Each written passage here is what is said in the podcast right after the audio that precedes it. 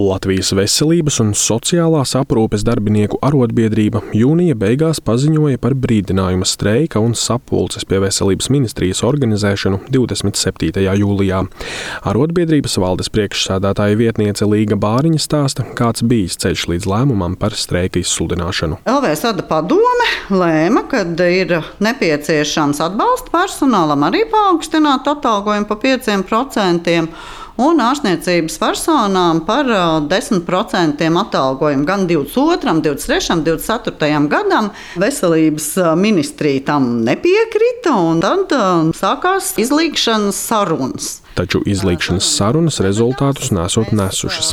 Arotbiedrība esot mīkstinājusi prasības, atsakoties no atalgojuma celšanas arī 2023. un 2024. gadā, taču to, ka atbalsts ārstniecības un ārstniecības atbalsta personām šogad nepieciešams, arotbiedrība gan uzstājusi. Nu, diemžēl viņas līdz šim gadam vēl nav realizējušās šīs prasības, ne mazāk kā 10%. Un tika izveidota pagājušo gadu decembrī streika komiteja, kur arī sāka darbu un saprotot gan Covid situāciju, gan arī traģisko situāciju, kas notiek globāli karš Ukrainā. Mēs neplānojām streikot un arī šādus te plašus pasākumus, bet paskatoties, kā aug inflācija un saprotot, ka cilvēki tiešām reāli nevar arī iztikt, nu, tad laikam tomēr um, jāķerās klāt pie kādiem nopietnākiem ieročiem, jo veselības ministrija neko nedara šajā jautājumā.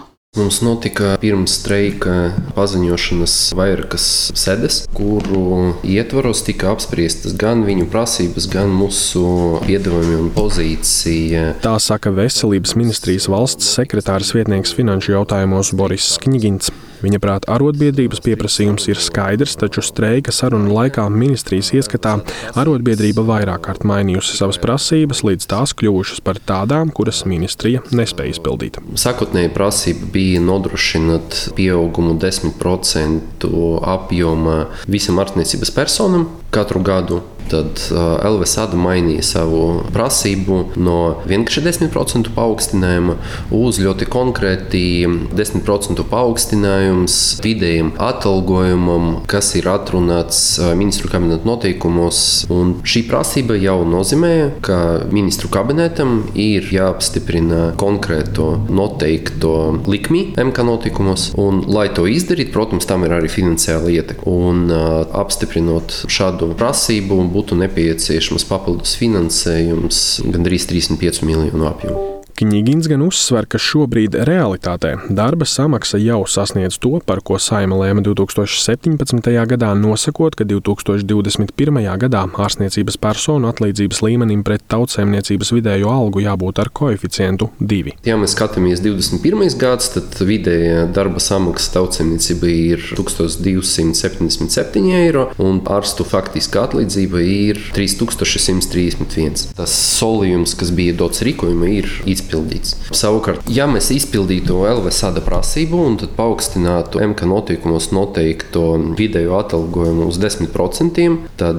attiecīgi ārstiem tas apjoms sastādītu 2048 eiro. Bet tas, ar ko mēs argumentējam šo, ka neskatoties uz to, kāds apjoms ir noteikts MK noteikumos, faktiskais atalgojums 21. gadā jau ir bijis 3131 ar piemaksām.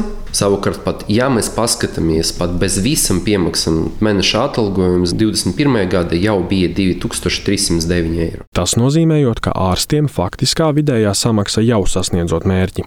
Boris Knigins skaidro, ārstniecības un pacientu aprūpes personu un funkcionālo speciālistu asistenti 2021. gadā saņēmuši 1290 eiro, iepratīm prasītajiem 1229 eiro.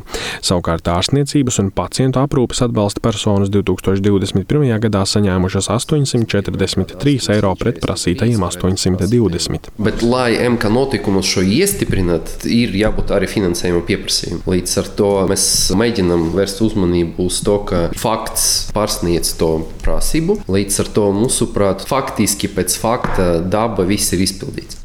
Savukārt mediķu arotbiedrības situāciju redz citādi un visus solījumus par izpildītiem nesauc. Turpina Latvijas Veselības un sociālās aprūpes darbinieku arotbiedrības valdes priekšsādātāja vietniece un arī streika komitejas vadītāja Līga Bāriņa. Vidēji, ja skatās ar piemaksām, jā, var teikt, jā, 10% ir. Bet atgriežoties atkal pie piemaksām, piemaksas nebija visiem darbiniekiem. Piemaksas bija tikai un vienīgi tiem darbiniekiem, kuri bija iesaistīti Covid pacientu ārstēšanā, aprūpē. Tā cīņa par atalgojumu ir gadu no gada. 30 gadu garumā ir reformas, reformas, reformas, bet reālais valdības pienesums un tas ir finansējums kaut kā visu laiku iepaliek tam visam. Proti, arotbiedrības ieskatā vidējie cipari neparāda situāciju kopumā, jo daudziem šīs algas ir zemākas. Tāpat atšķiras arī atalgojums Rīgā un reģionos strādājošajiem. Un šī viedokļu sadursme un atšķirīgais situācijas vērtējums novedis pie tā, ka process ir ieķīlējies, un tas arī pēc oficiālā paziņojuma par gatavošanos streikam abām pusēm nav ļāvis nonākt pie kāda kompromisa pat pēc aizvadītām divām veselības aprūpes nozares apakšpadomes sēdēm, kas darbojas zem valdības vadītāja kurētās Nacionālās trīspusējās sadarbības padomes. Taču vienprātība par to, cik pamatots ir lēmums streikot, nevalda arī pašu mediķu profesionālajās organizācijās, kurās neslēpj, ka ciešās saites, kuras palīdzēja organizēt mītīņus 2019. gadā, nu ir sairušas. Runa ir par agrāko sadarbību starp Latvijas māsu, jauno ārstu asociācijām un Latvijas ārstu biedrību.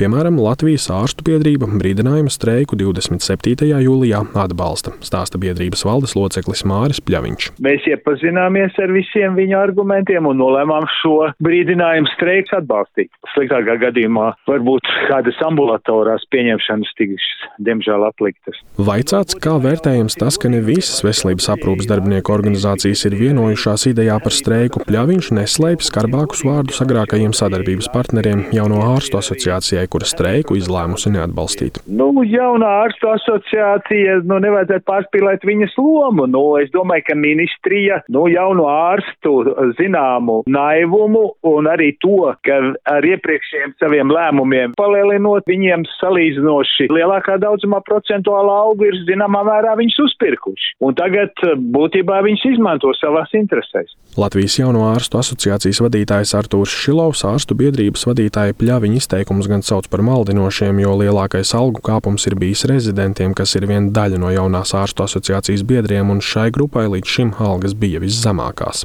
Savukārt runas par to, ka jauno Jauno ārstu asociācija ir uzpirkta un ministrija to tagad izmanto savās interesēs, Šilovs komentē šādi. Nav pirmā reize, kad mēs sastopamies ar pārmetumiem, ka ir kaut kāda vienošanās vai uzpirkšana gadījumā, ja mūsu viedoklis, kā asociācijas viedoklis, nesakrīt ar kādas citas organizācijas viedokli veselības aprūpes sektorā.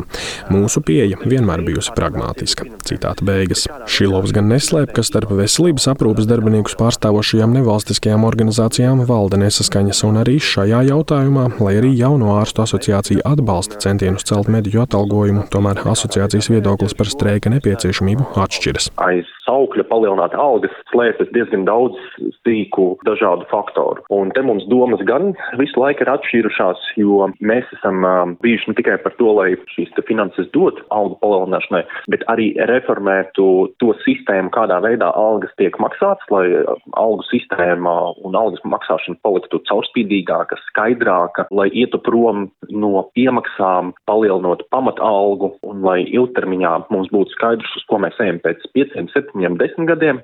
Nevis domātu tikai īstermiņā.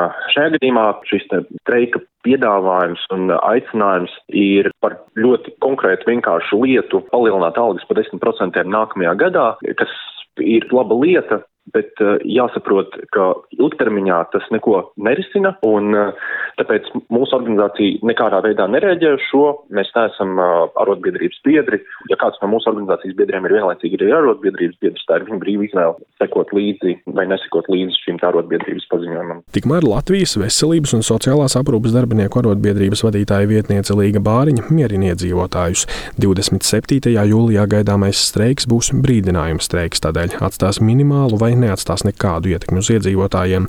Taču gadījumā, ja arī pēc brīdinājuma streika neizdosies gūt vienotu valodu ar atbildīgo ministriju un politiķiem, tad nākamie soļi varētu sakot apmēram septembra beigās, un tad arotbiedrības un viņu atbalstītāju aktivitātes varētu kļūt krietni vien ievērojamākas un iedzīvotāju piekļuvi veselības aprūpei ierobežot.